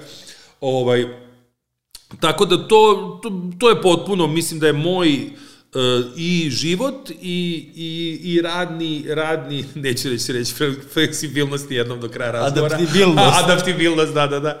Ovaj, uh, da je vrlo netipičan i da i da ne može biti nikakav sad savet nekom ili, ili uzor kako, kako, kako šta je, opet mi ta reč se približava, ovaj, kako, kako šta da uredi, e, nego, nego prosto, prosto ja sam, ja sam to tako postrojio, desi se nekad po nedelju dana da ne odem u firmu, u, u, u ofis, ono, sekretarica mi vidi kao, a vi ste još, vi ste još ovaj, živi, ono, sam šalje, šalje mi stvari za, za potpisivanje, ovaj, neke, neke, doku, neke dokumente, ali uh, za mene u tome je lepota uh, današnjih doba, vaših doba, tehnologije, da ja sad mogu 7 dana da budem u Gruziji i da ja 90% posla mogu da obavim online odatle, e, pošaljem uputstava da te online konferencije kad sam počeli da radimo, sad se bio sam na Jahorini na, na skijanju, u momentu kad smo radili neku vrlo važnu konferenciju o obrazovanju,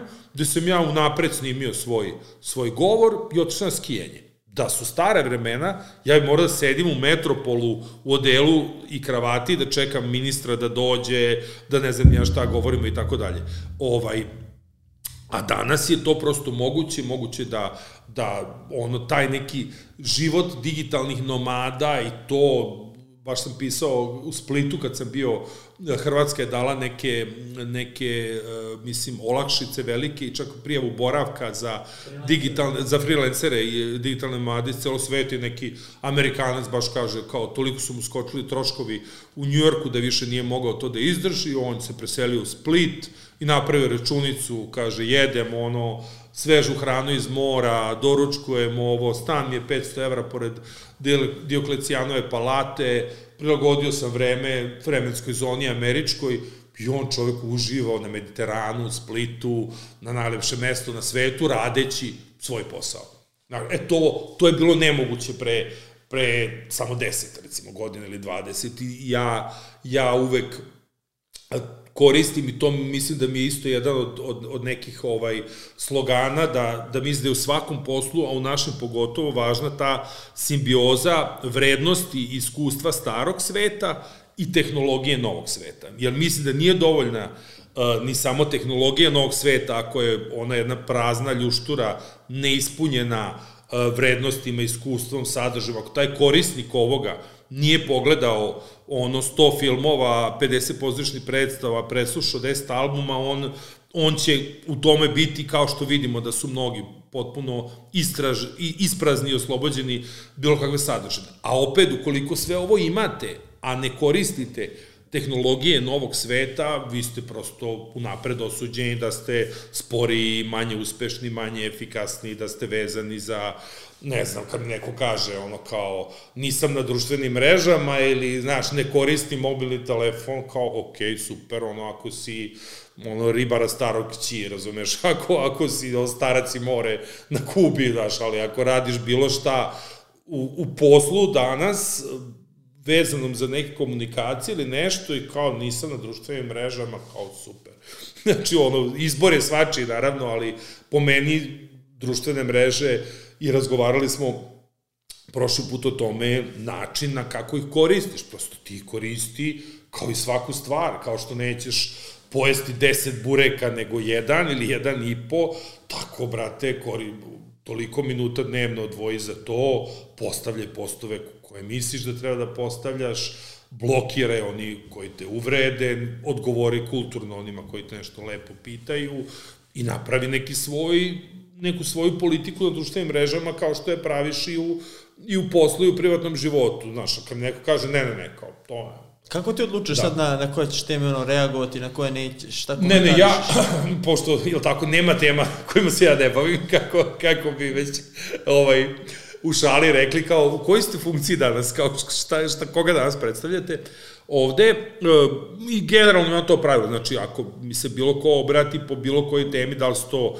dvorci Srbije, ne znam, neki projekat koji radimo sa Ministarstvom kulture i sa vladom već godinu dana, koji je potpuno nevezan za ove neke stvari koje radimo u medijima, ili je to nešto iz medija, ukoliko je pitanje, da kažem, konstruktivno i normalno, bez nekih vređanja, ja odgovorim na svako pitanje na mojim, na Twitteru, na, na LinkedInu, na, na ovaj, ukoliko je ono, ne znam, iracionalno, sa vređom, sve samo blokiram, apsolutno, ne ulazim ni u kakve, ni u kakve polemike, ni u kakve rasprave, znači, naročno ne sad ovo sa antivakserima i sa čitim tim pokre, ovaj, novim, novim pokretima, tako da, ali to sam ja, neko drugi neka uradi nešto što, što odgovara njegovom temperamentu ili njegovom lifestyle ili njegovoj željenom imidžu, svako treba svoju, svoju javnu percepciju i u pojavljivanjima u medijima i ne znam, evo u razgovorima poput ovoga sa tobom ili na društvenim mrežama da setuje na način, na način kako njemu odgovara. Dakle, nema, nema, nema tu recepta. Ne bi tu opisu posle generalno, da, pa, da, da budeš svuda. Apsolutno. I da, I da komuniciram, čak ne sad da bih ja ispao, ne znam, više ili manje ili dobar u tvojim očima kao nekog ko mi je to postavio, nego zbog sebe. Znači, ja prosto, e, meni je, ja, ja, ja se trudim, bar, kako čovek je stari pa je postaje sujetan i sve, ja se trudim da kritike doživljavam kao nešto što će meni pomoći, što će mene učiniti uspešnijim i što će mene, e, meni olakšati sutradan nešto da ja imam više vremena za, za provod ili za zezanje ili za putovanje. A ukoliko na kritike i negativne komentare uvek reagujete kao jež i uvek se iznervirate i uvek e, počnete da se raspredate i da vređate, Mislim da je to loše za vas. Normalno, niko nije savršen. Svako, naročito, eto, mi imamo 110 magazina, gomilu toga ja pojma nemam, ni šta je objavljeno, šta nije, vidim kad izađe, ili ako neko nešto reaguje, s gomilu toga se često i ne slažem, ili bi ja uradio drugačije. Tako da ako mi neko kaže, ej, ovi tvoji su, ne znam, objavili to, kako možete ovo, ja naravno ako mogu da reagujem, ako mogu da, ako ima smisla. Mislim da je to, da je to jako važno, vrlo često ljudi kad u biznisu kad dođu na neki nivo i do neke pozicije ili nečega, postanu prepametni, presujetni, misle da, da, da, da sve najbolje znaju, da šta sad meni će neki kao anonimni balavac na Twitteru nešto da kaže, a nije tako. Vrlo, vrlo često, vrlo često sam, smo ono baš, sećam se jedan festival, je bio u Novom Sadu i uh, sa tim kućicama na trgu, moji ljudi su potpuno zaklonili spomenik uh, Svetozaru Miletiću. I neki čovek, istoričar koji se bavi istorijom Novog Sada, je fotografistoj, napisao je moj Svetozare Miletiću, šta si dočekao vamo tamo leo desno. Se rekao, čovjek je potpuno u pravu, rasklonite to i na jednom velikom panovu napraviti na srpskom i na engleskom istorijat Svetozara Miletića biografiju i Meštrovića koji je napravio spomenik Jer je on bio u pravu i bolje da mi on to tako rekao, nego da je 200 ljudi prošlo, pomislilo to o nama, a ne reklo. Znači, ja, ja ako su kritike takve, ja prosto na njih tako gledam.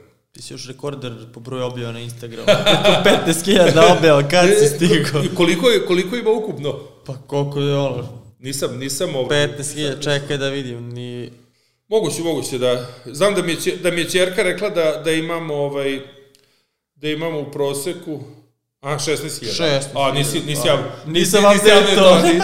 Nisi update Pa da, prosto ovaj, toliko, toliko stvari koje su, ovaj, e, koje, naravno, supruga kaže kao uopšte ne vodiš računa kao o, svojom, o svojoj Instagram karijeri. Moja supruga ima, ne znam, 40.000 pratilaca na Instagramu i čak su je angažovali za i za neke kampanje endorserske tog tipa, ja kažem, ali ja, ja, ne, ja ne želim da gradim Instagram kampanju, ja, ja, ja, ja stvari kačim ovde za koje ja mislim, baš me briga sad šta će, šta će ko da kaže. To je ono na 20 da, minuta i da objava. Da, nije, nije, evo, juče, baš da imamo, juče je bila ceo dan dve objave.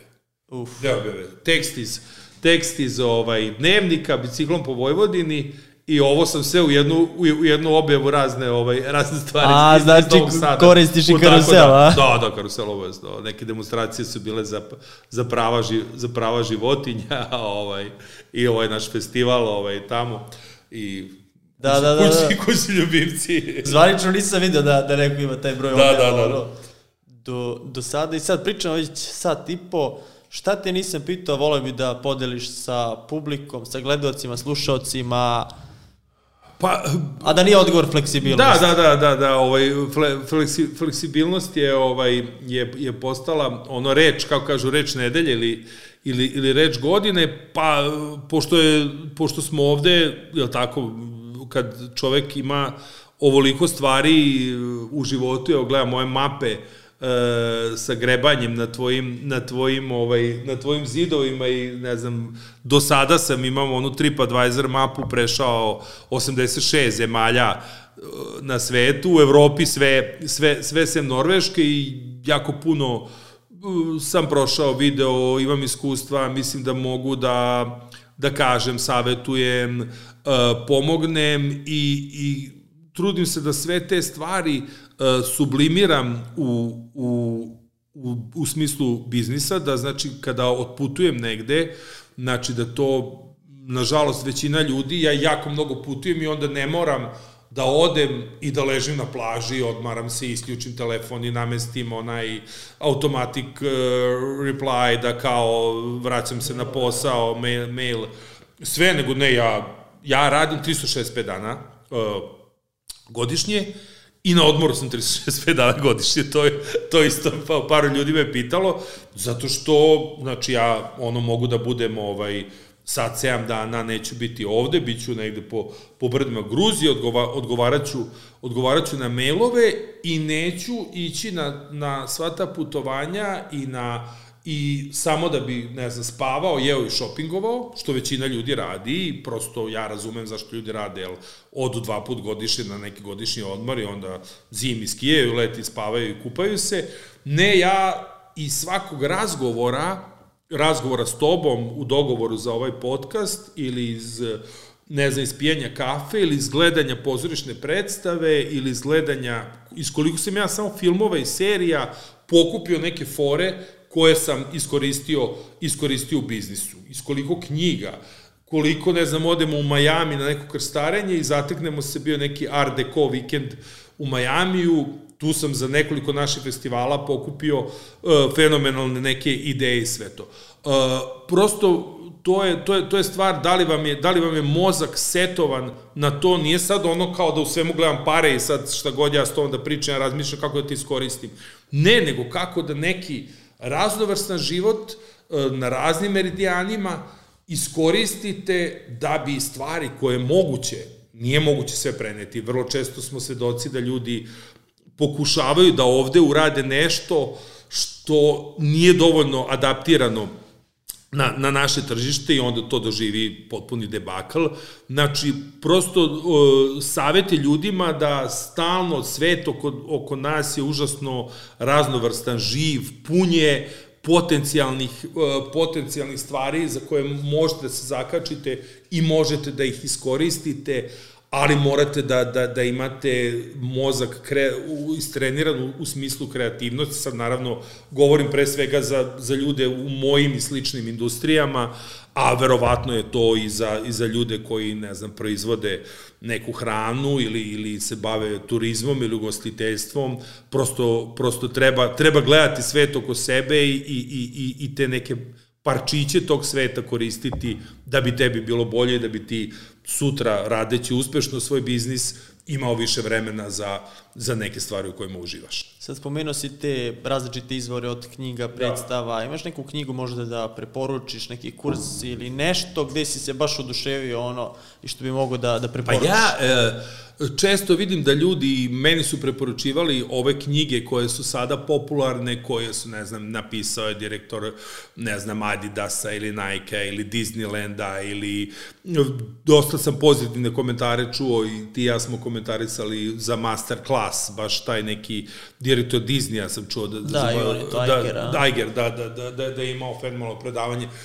Ja nekako, ne znam, ne da sam, mislim sad da sam najpametniji, pa ne želim da slušam takve ljude koji su ono uspeli naravno mnogo mnogo više od mene nego ja nekako te te pouke pokušavam da hvatam u letu, ne sad da uzmem, ok, ovo je knjiga kako se obogatiti, kako uspeti u životu, kako biti dobar novinar, ne. Ja mislim da ja uh, sve te deliće ću, jedan ću uhvatiti iz Glembajeva, Krležinog, jedan ću uhvatiti iz Rozmarine bebe Romana Polanskog i složit ću ovde. Neću ono da mi ti napišeš knjigu, e, ja sam, jer ja mislim da se ono da je svačiji život i svačija karijera je, naravno, možeš ti tu puno pametnih stvari da čuješ, ali ja, ja sam sebe nekako izgradio da da sve te kockice hvatam u letu iz raznih, da kažem, žanrova i sa, i sa različitih platformi, a ne sad da kao platio sam kurs ili sad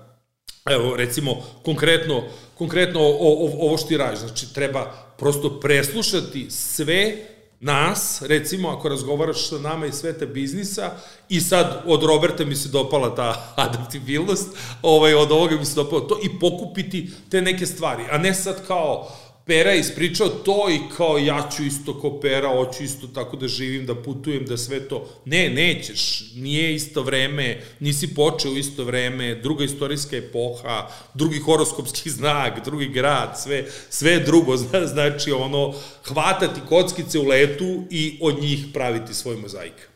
To je dobar, to je dobar odgovor. da. Hvala ti puno. Hvala i tebi. Sat i po uživo sam u razgovoru. Tako da Proletelo nadam se i čekamo komentare i nadam se da ćeš biti aktivan ono, u komentarima, Hoću. konstruktivnim, tako da vidimo se u narodnoj epizodi.